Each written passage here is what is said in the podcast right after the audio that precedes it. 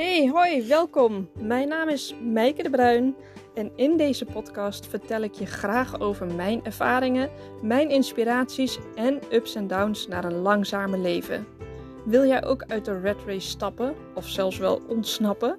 Leren hoe je jouw pad kan bewandelen en bewuste keuzes kan maken? Luister dan vooral naar mijn persoonlijke verhalen. Laten we beginnen.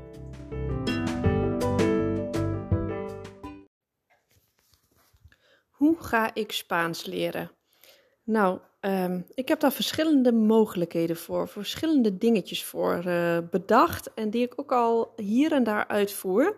Maar ik ben nog niet zo gedisciplineerd dat ik echt elke dag daar standaard tijd voor neem. Ik had mezelf namelijk wel voorgenomen om dat. Uh, even wachten op de klok. Ik had mezelf wel voorgenomen om standaard elke dag ermee aan de slag te gaan, ook met Elske. Ik heb ook een speciale notitieboekje voor haar gekocht met van die uh, erin, zodat we ook uh, echt uh, Spaans erin kunnen doen en wat Engels erin kunnen gaan doen. En ook omdat het natuurlijk extra stimuleert, zo'n leuk nieuw notitieblokje.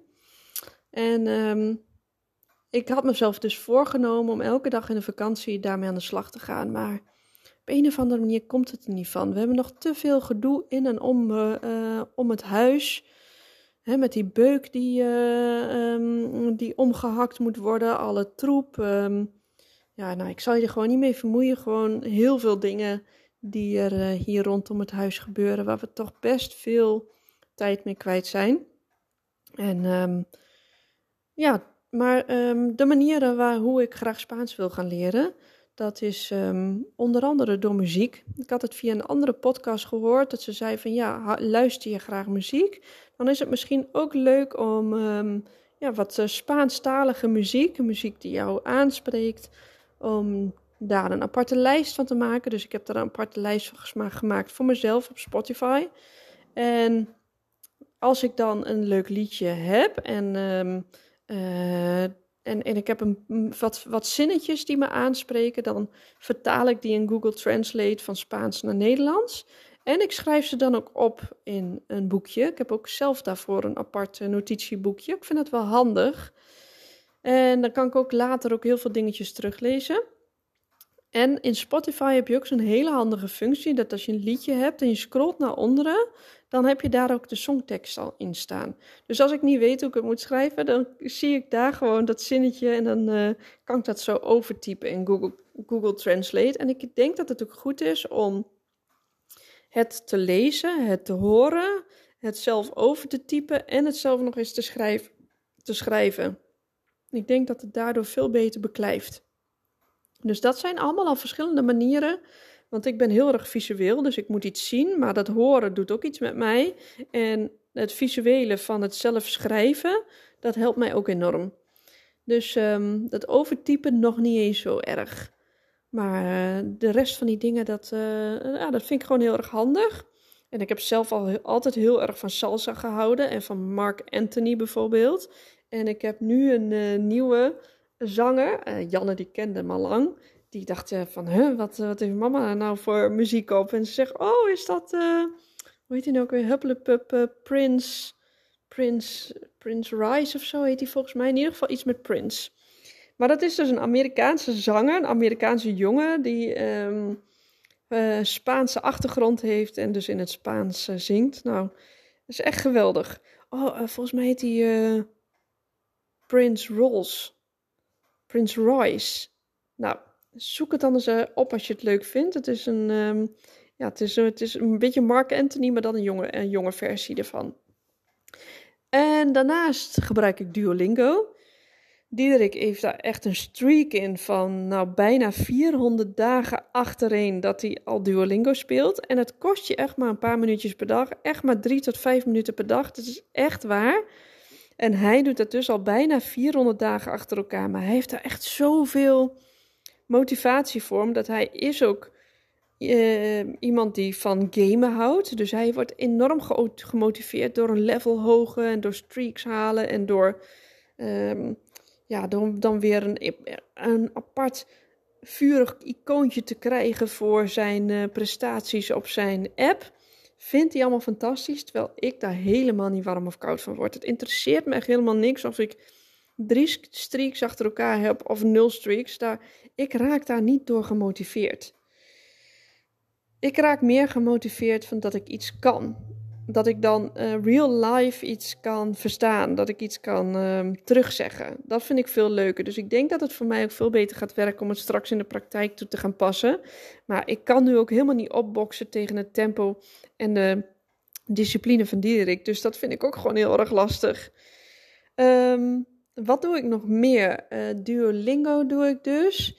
Oh ja, podcast. Er is ook een uh, podcast eh, voor Spaans voor beginners. En dat zijn dan mensen, dus van een, ook van een talenbureau. Dat zijn dan mensen die zichzelf voorstellen. Die geven zelf ook Spaanse les. En uh, die gaan dan ja, een voorstelpraatje doen tijdens die podcast. Helemaal in Spaans. Maar dat gaat op een wat langzamer tempo en wat makkelijk taalgebruik nog. Nog wat basistaalgebruik. Dat is sowieso vaak voorstellen hè, waar je woont en dergelijke. Daar begin je vaak mee. En dat heb ik zelf gewoon een keertje in mijn eentje geluisterd. Terwijl ik in de tuin bezig was met mijn uh, koptelefoon op. En ik probeerde gewoon te luisteren en te kijken wat ik daarvan meekreeg. Ik was, vroeger was ik trouwens best goed in Spaans. Ik heb ook uh, een, een, uh, een paar Franse zei ik nou Spaans? Ik bedoel Frans. Ik was vroeger goed in Frans. Wij gingen altijd naar Frankrijk op vakantie.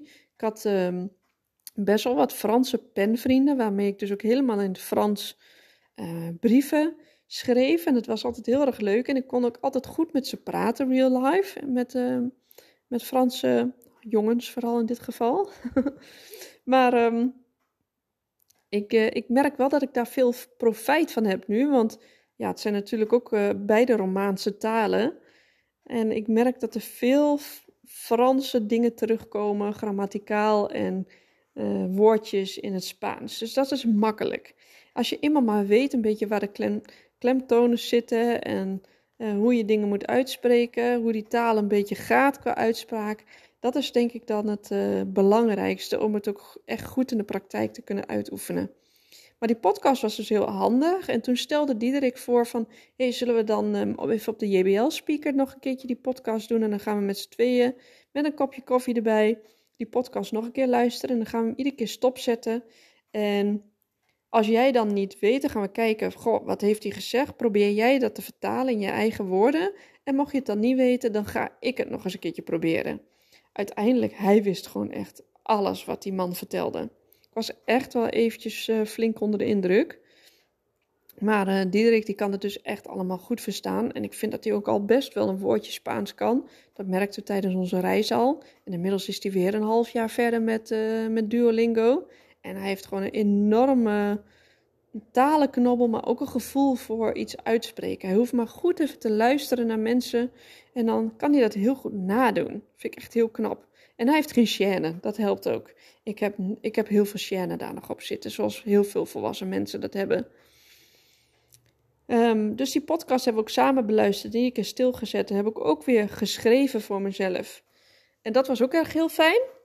En als laatste heb ik uh, nog een tip doorge doorgekregen van super, uh, super goed en snel Spaans leren. En dat is via Huddle. Dat is zo'n uh, zo'n trainingsapp dat je e-learnings kan doen. En via haar kan je helemaal gratis e-learning doen, Spaans voor beginners. En daarna kun je natuurlijk nog wel weer verder gaan, betaald waarschijnlijk. En daar heb ik nu ook één les van gedaan. Die vond ik wat langzamer gaan. Dus ik denk die is juist wel goed om samen met Elske te doen. Maar goed, dat heb ik nu één keer gedaan. En tot nu toe is ze nog niet heel erg voor te porren om dat iedere keer te doen. Vaak zijn de andere dingen toch interessanter. Op de trampoline gaan, buiten spelen, zwembad, vriendinnetjes, etc. etcetera. En natuurlijk soms ook die stomme telefoon. Daar hebben jullie waarschijnlijk zelf thuis ook wel last van. Bij ons heeft ze een telefoon, maar dan zonder simkaartje erin. Dus kan er verder niet zoveel mee, behalve hier thuis op de wifi. Maar dat is eigenlijk al meer dan genoeg. Dus wie weet moet ik daar uh, die huddle ook eens op zetten, zodat ze het in een eentje gaat doen. Want op, op reis hadden we dus ook voor haar Duolingo erop staan uh, om Engels te leren. En dat deed ze wel eens op een momentje dat ze zich verveelde. Dus misschien moeten we dit ook eens gaan doen. Want op Duolingo zit wel Spaans, maar dat is alleen van Spaans naar Engels en Engels naar Spaans, maar niet Nederlands. En dat is dan toch weer net iets voor haar met de zeven jaar iets te veel. Ik vind dat ze al best wel wat Engels kan, maar om dan en Engels te leren en Spaans tegelijk. En dat is best wel veel. Dat vindt ze wel moeilijk. Dus al met al heb ik best wel veel mogelijkheden voor mezelf aangeboord om Spaans te leren. Dus dat vind ik eigenlijk wel heel leuk om ook even met je, met je te delen. Er is dus uh, niet maar één route voor mij die handig is. Ik vind het juist heel erg fijn, zoals ik ben, om variatie te hebben. uh, niet iedere keer hetzelfde. Um, dus um, nou, wie weet heb je daar ook wat aan als je ook een nieuwe taal wil leren. Misschien vond je het gewoon interessant om te horen hoe, uh, hoe wij dit aanpakken en hoe ik dit aanpak. En dan wens ik je voor nu wederom nog weer een hele mooie dag. Veel groetjes van mij. Doei doeg!